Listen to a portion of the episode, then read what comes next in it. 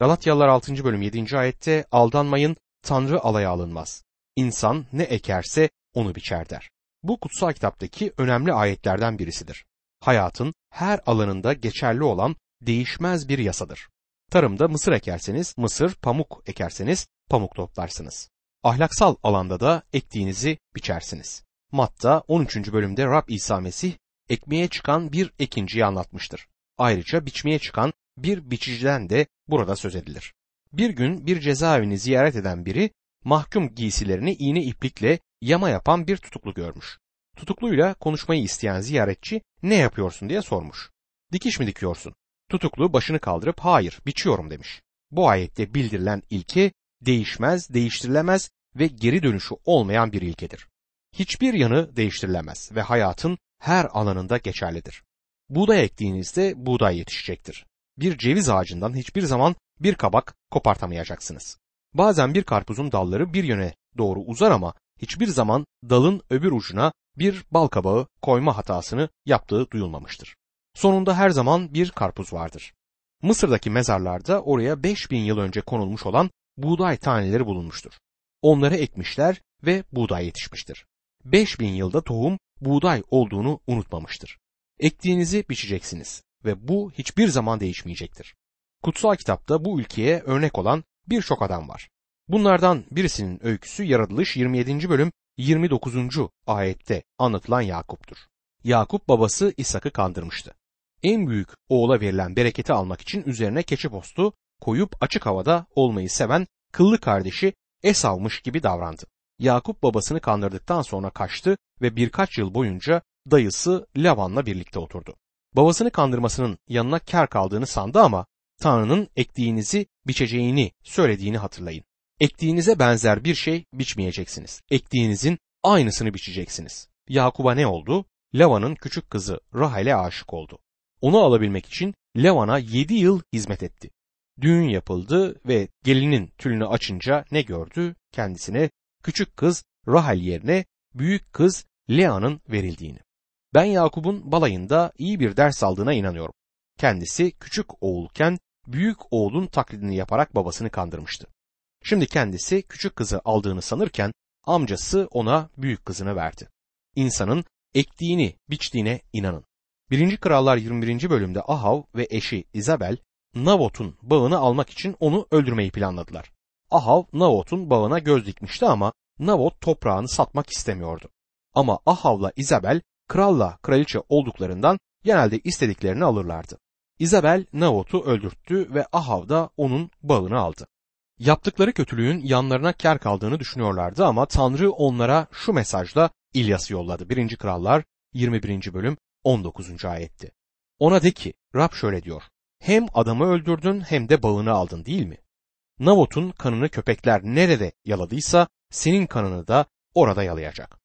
Daha sonra Ahav savaşta yaralandı. Savaş arabasının sürücüsüne kendisini savaştan çıkartmasını söyledi ve yarasından akan kanlar savaş arabasından aşağıya aktı. Savaştan sonra Samiriye'ye geri getirildi ve Samiriye havuzunda savaş arabasını yıkadılar ve köpekler kanı yaladı. Buna bir başka örnekte Elçi Paulus'tur. İstefan'ın taşlanarak öldürülmesinde bir önderdi ve Rabbe iman ettikten sonra Galatyalıların ülkesine gittiğinde taşlandı. Rabbe iman edip günahları bağışlandığı için ektiğini biçmeyecek olduğunu düşünebilirsiniz ama insanın ektiğini biçmesi Tanrı'nın bir yasasıdır. Rabbe iman etmeden önce ayyaş olan birini hatırlıyorum. Onun müjdeci toplantılar yapması için davet etmiştim. Bir gece toplantıdan sonra bir tatlıcıya gittik ve herkes kocaman tatlılar ısmarladı. Bu kişi sadece küçük bir bardak maden suyu ısmarladı. Herkes ona bunun nedenini sormaya başladı. Yanıtını hiç unutmam. Kendisine iman ettiğimde Rab bana yeni bir yürek verdiğinde bana ayrıca bir de yeni bir mide vermedi. İçki içerek geçirdiğim yılların bedelini ödüyorum demişti. Yeniden söylemek istiyorum. İnsan ne ekerse onu biçer. Aldanmayın. Tanrı alaya alınmaz. Yaptığınız yanınıza kalmayacaktır. Gençlerin bu ilkenin gerçeğini anlamalarını isterdim. Birçok genç uyuşturucu kullanıyor. Birçoğu kolay seks, serbest aşkla kendilerini tatmin etmeye çalışıyor. Bazıları ektiklerinin sonuçlarını biçmeye başladılar bile. Cinsel yolla bulaşan hastalıklar Avrupa'nın birçok kentinde salgın haline gelmiştir ve akıl hastalıklarında da büyük bir artış olmuştur. Peki neden? Çünkü Tanrı ne kadar hap alırsanız alın günahın yanınıza kar kalmayacağını söyler. Tanrı ektiğinizi biçeceğinizi söylüyor.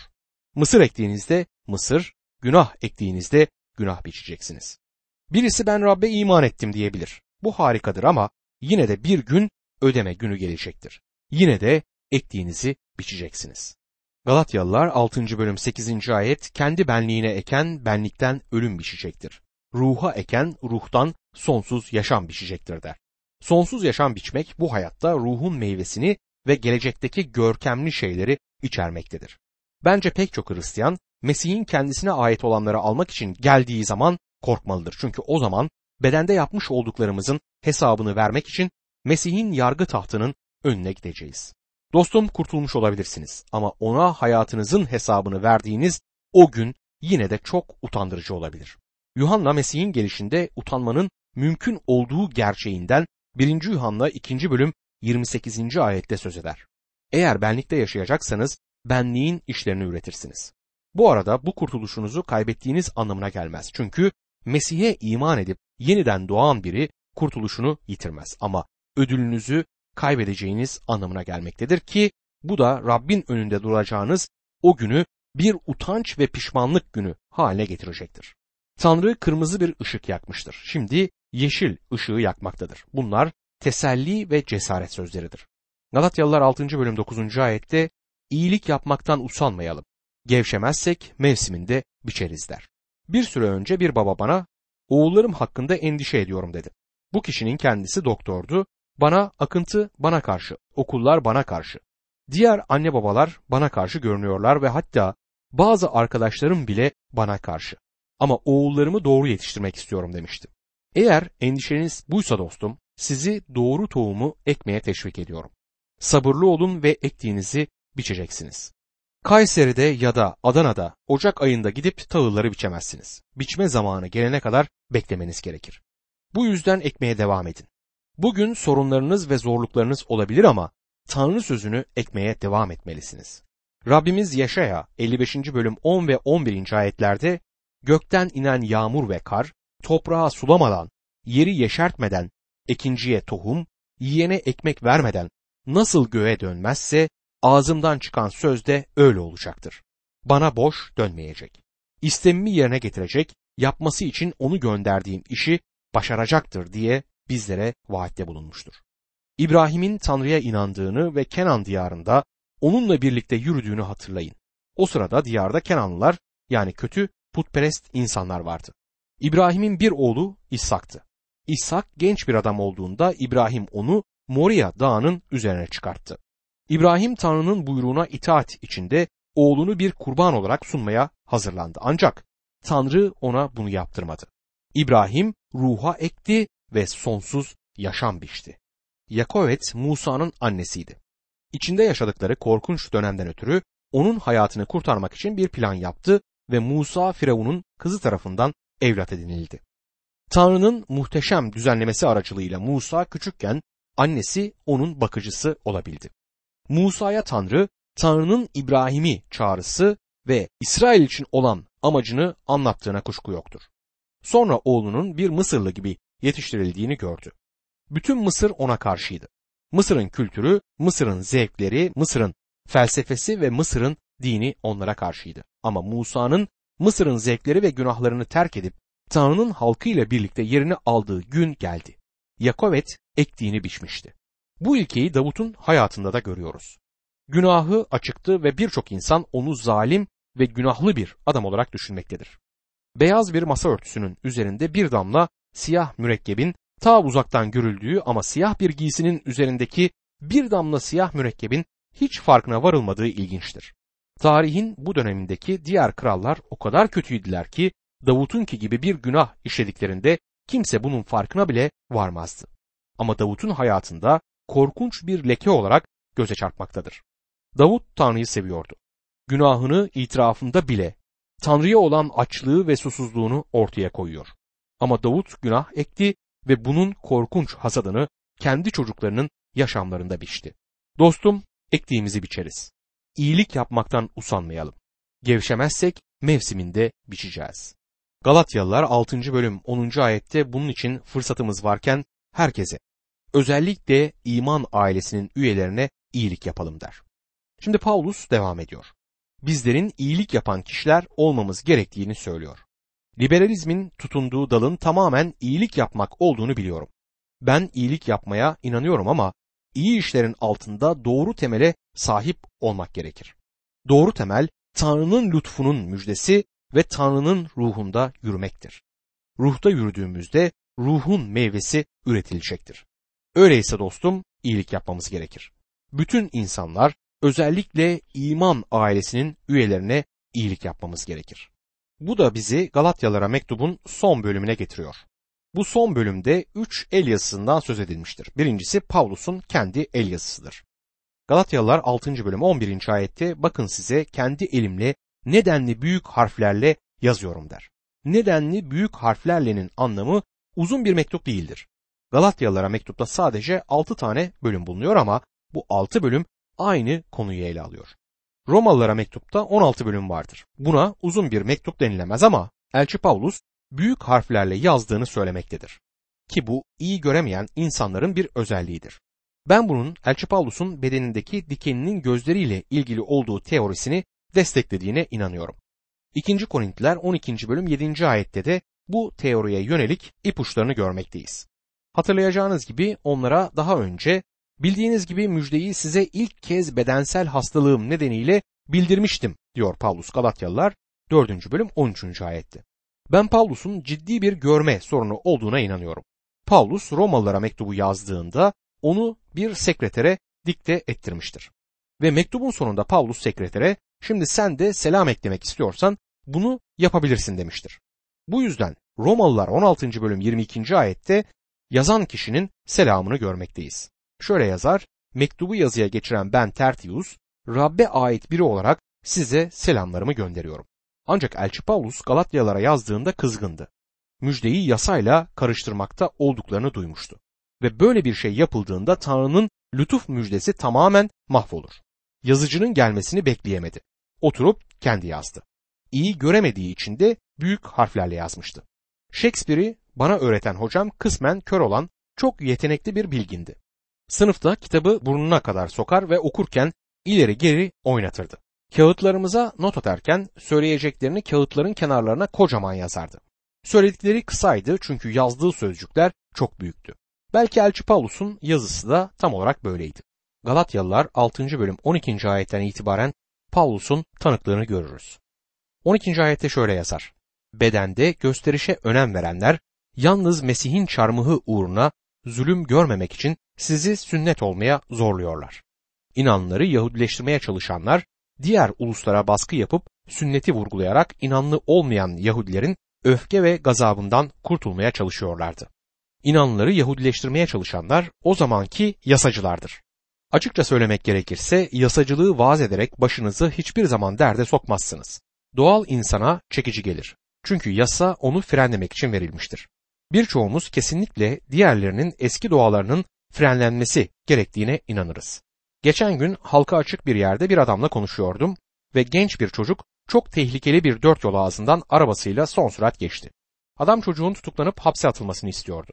Çocuğun yasaya itaat etmeye zorlanmasını istiyordu. Bu adam Tanrı'nın lütfunu reddeder. Çünkü kurtulmamış biridir ama yasacılığı tutmaktadır. Herkes bir diğerinin yasaya uymasını ister. Doğrusunu isterseniz bizler de itaat edebileceğimiz bir yasa istemekteyiz. Okula giderken atlamayla uğraşıyordum ve yüksek atlama yapıyordum. O zamanlarda 1 metre 5 santim atlamayla başlıyorduk. 1 metre 20 santim atladığımda biraz zorlandım. Bu yüzden atlama antrenmanı yaparken çıtayı hep 1 metre 20 santim düzeyinde tuttum. Yasacılık konusunda birçok insan da böyledir.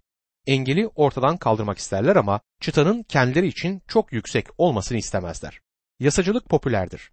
Tanrı'nın lütfu popüler değildir. İnsan yüreği onu iğrenç bulur.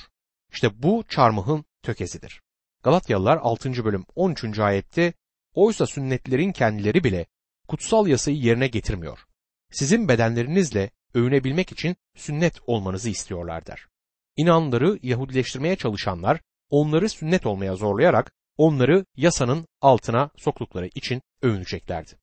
Yasanın altında yaşadıklarını iddia edenlerin aslında yasaya göre yaşamamaları ilginçtir.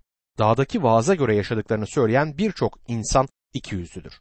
Hizmette yaşadığım bir deneyimden ötürü bunun gerçek olduğunu biliyorum. Yıllar önce bir seminer sırasında öğle yemeğinde yaşadığım bir olayı size anlatmak istiyorum. O kentte öğretmenken bir banker olan topluluğumuzun yaşlarından biri o yıl ticaret odasının da aynı zamanda başkanıydı. Beni gruba hitaben bir konuşma yapmaya davet etti. O zamanlar genç bir vaizdim ve hatta bu benim ilk vaizlik görevimdi. Oraya erken gittim ve yetkililerden biri kürsüdeydi. Benimle konuşmaya başladı ve hayatımda hiç bu kadar çok küfür eden bir adam görmedim. Ki ben bu konuda bazı uzmanların konuşmalarında duymuştum. Onu azarlamadım, sadece konuşmasına izin verdim. Sonunda konuşmamızda bu arada senin mesleğin ne diye sordu. Ona vaiz olduğumu söyledim. Bana hayretler içinde baktı ve bugünkü konuşmacı sen misin diye sordu. Ona ben olduğumu söyleyince hemen havası değişti. Burada bizimle birlikte olduğunuz için çok mutluyum ve benim de bir Hristiyan olduğumu bilmenizi istiyorum dedi. Bu benim için kesinlikle bir sürprizdi. Çünkü konuşma biçiminden bir Hristiyan olduğunu kesinlikle kestiremezdim. Sonra konuyu daha da açtı. Bana bir kentte çok moda olan bir kilisenin ihtiyarlarından birisi olduğunu söyledi. Bana yaptığı bütün muhteşem şeyleri tek tek anlattı sonra sözlerini benim dinim dağdaki vaazdır diye bitirdi. Ona harika bu çok iyi dedim. El sıkıştık sonra ona peki o nasıl gidiyor diye sordum. Bana biraz şaşırmış olarak baktı ve ne demek istiyorsun? O nasıl gidiyor diye kimi kastediyorsun diye sordu. Bunun üzerine açıkladım. Dağdaki vaazın dinin olduğunu söylüyorsun ve onu yaşayıp yaşamadığını bilmek istiyorum dedim. Yaşamaya çalıştığını söyledi.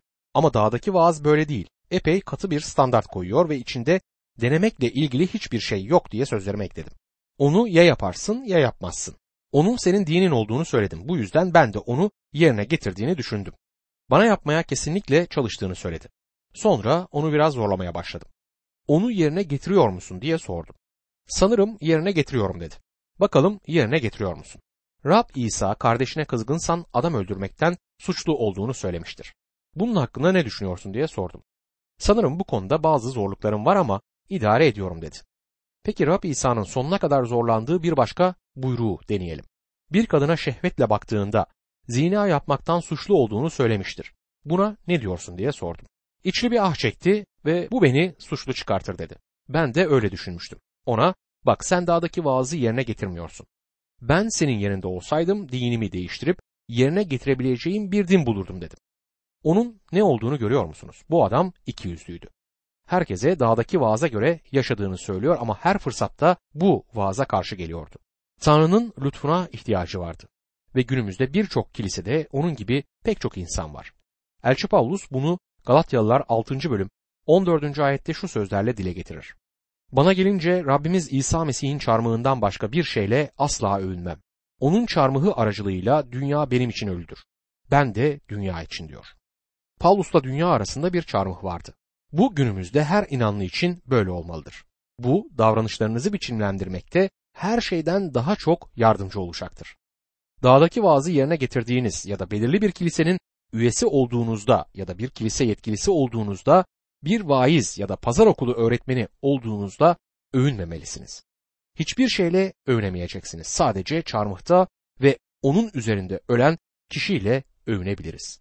Galatyalılar 6. bölüm 15. ayette sünnette olup olmamanın önemi yoktur. Önemli olan yeni yaratılıştır der. Bu da bizi bu son ayetlerde sözü edilen ikinci tür el yazısına getirmektedir. Sünnet dinin ve yasanın el yazısıydı. Bedenin üzerindeki bir el yazı gibiydi. İbrahim'in antlaşmasının altına ait olduğunuzu belirten bir nişan gibiydi. Her şeye yaramazdı. Bir loja ya da bir topluluğa ait olduğunuzu belirten bir rozet takmak neredeyse anlamsız olabilir. Sünnet olup olmamanın bir önemi yoktur. Sünnet olmanın da bir önemi yoktur. Bu şeylerin hiçbir değeri yoktur. Günümüzde birçok insan iman etmeden önce ne büyük günahkarlar olduklarıyla övünüyorlar. Sünnet olup olmadığınız iman etmeden önceki durumunuzun hiçbir önemi yoktur. Önemli olan Tanrı'nın ruhunun yaşamınıza gelip sizi Mesih İsa'da yeni bir yaratık yapıp yapmadığıdır. Bu ancak Mesih'e imanla gerçekleşebilir. Elçi Paulus müjdeyi aynı alanda bir yarışmacı olarak sunsaydı, kendi zamanındaki yasacılarla hiçbir sorunu olmazdı. Ne demek istediğimi açayım. Piyasada bir sürü sabun var. Onları pazarlayanlar bize onların iyi koktuğunu, size kendinizi iyi hissettirdiğini ve cildinize karşı nazik olduklarını söylerler. Diyelim ki siz ve ben yeni bir sabun çıkarttık ve sabunun amacı sizi temizlemek olduğundan ve reklamcıların unuttuğu tek şeyin bu olduğuna benzediğinden adını temiz koyduk. Bunun sizi temizleyecek tek sabun olduğunu iddia ederek reklama başladık. Sloganımız ise temizi al temiz olsun. Bu sabunun sizi temizleyecek tek sabun olduğunu iddia eder etmez bu bizim başımızı derde sokacaktır. Diğer sabun imalatçıları karşı hata geçeceklerdir. Ama Paulus müjde konusunda aynen bunu iddia ediyordu. Eğer Yahudilik iyidir ama Hristiyanlık daha iyidir deseydi başı derde girmezdi. Çünkü günümüzdeki reklamcılarda bizim ürünümüz piyasadaki diğer sabunlardan daha iyidir derler. Bu rekabettir. Kimse kendi sabunlarının sabun görevi yapan tek sabun olduğunu söylemeye cüret edemez. Paulus'un kendi sabununun Yahudiliğin sabunundan sadece biraz daha iyi olduğunu söylemediğine dikkatinizi çekmek isterim. Yahudilik bir şey değildir ve sünnet de bir şey ifade etmez diyor. Önemli olan tek şeyin kutsal ruhun size yeni bir doğa veren hayatınızdaki yazısı olduğunu söylüyor. İşte dostum bu çok doğrudur. Şimdi bu bölümde bize sunulan üçüncü ve son el yazısına geldik. Galatyalılar 6. bölüm 16 ve 17. ayetlerde bu kurala uyan herkese ve Tanrı'nın İsrail'ine esenlik ve merhamet olsun. Bundan böyle kimse bana sorun çıkarmasın. Çünkü ben İsa'nın yara izlerini bedenimde taşıyorum der. İzler sözüne dikkat edin. Elçi Paulus ben İsa'nın yara izlerini bedenimde taşıyorum demektedir. Yunancası yara izleri anlamına gelen stigmatadır. İsa'nın el yazısını görmek istiyorsanız Elçi Paulus'un bedenine bakmanızı öneriyorum. 2. Korintliler 11. bölüm 23 ila 27. ayetlerde bizlere şöyle der. Mesih'in hizmetkarları mıdırlar? Aklımı kaçırmış gibi konuşuyorum. Ben onun daha üstün bir hizmetkarıyım. Ben daha çok emek verdim. Hapse daha çok girdim. Sayısız dayak yedim. Çok kez ölümle burun buruna geldim. Beş kez Yahudilerden 39'ar kırbaç yedim.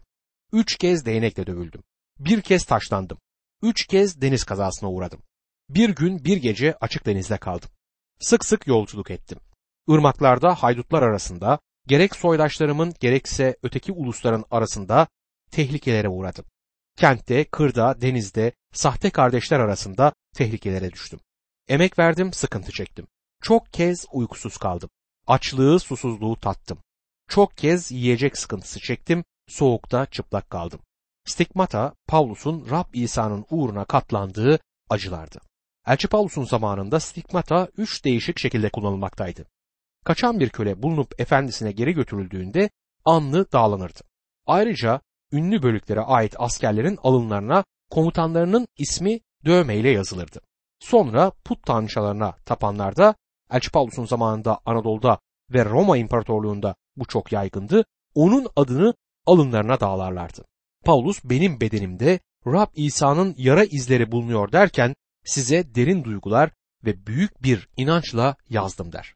Benim yazdıklarıma gerçekten inanıp inanmadığımı ve bu şeylerin benim hayatımda gerçek olup olmadığını gerçekten bilmek istiyorsanız bedenimi okuyun, yaralarıma bakın diyor. Dostum sünnet size hiçbir şeye mal olmaz. O sadece dışsal bir işarettir. Elçi Paulus kendisi sünnette olduğu halde sünnetin hiçbir şey olduğunu söylemektedir. Ama Rab İsa'nın yara izlerini bedeninde ve hayatında taşıyordu.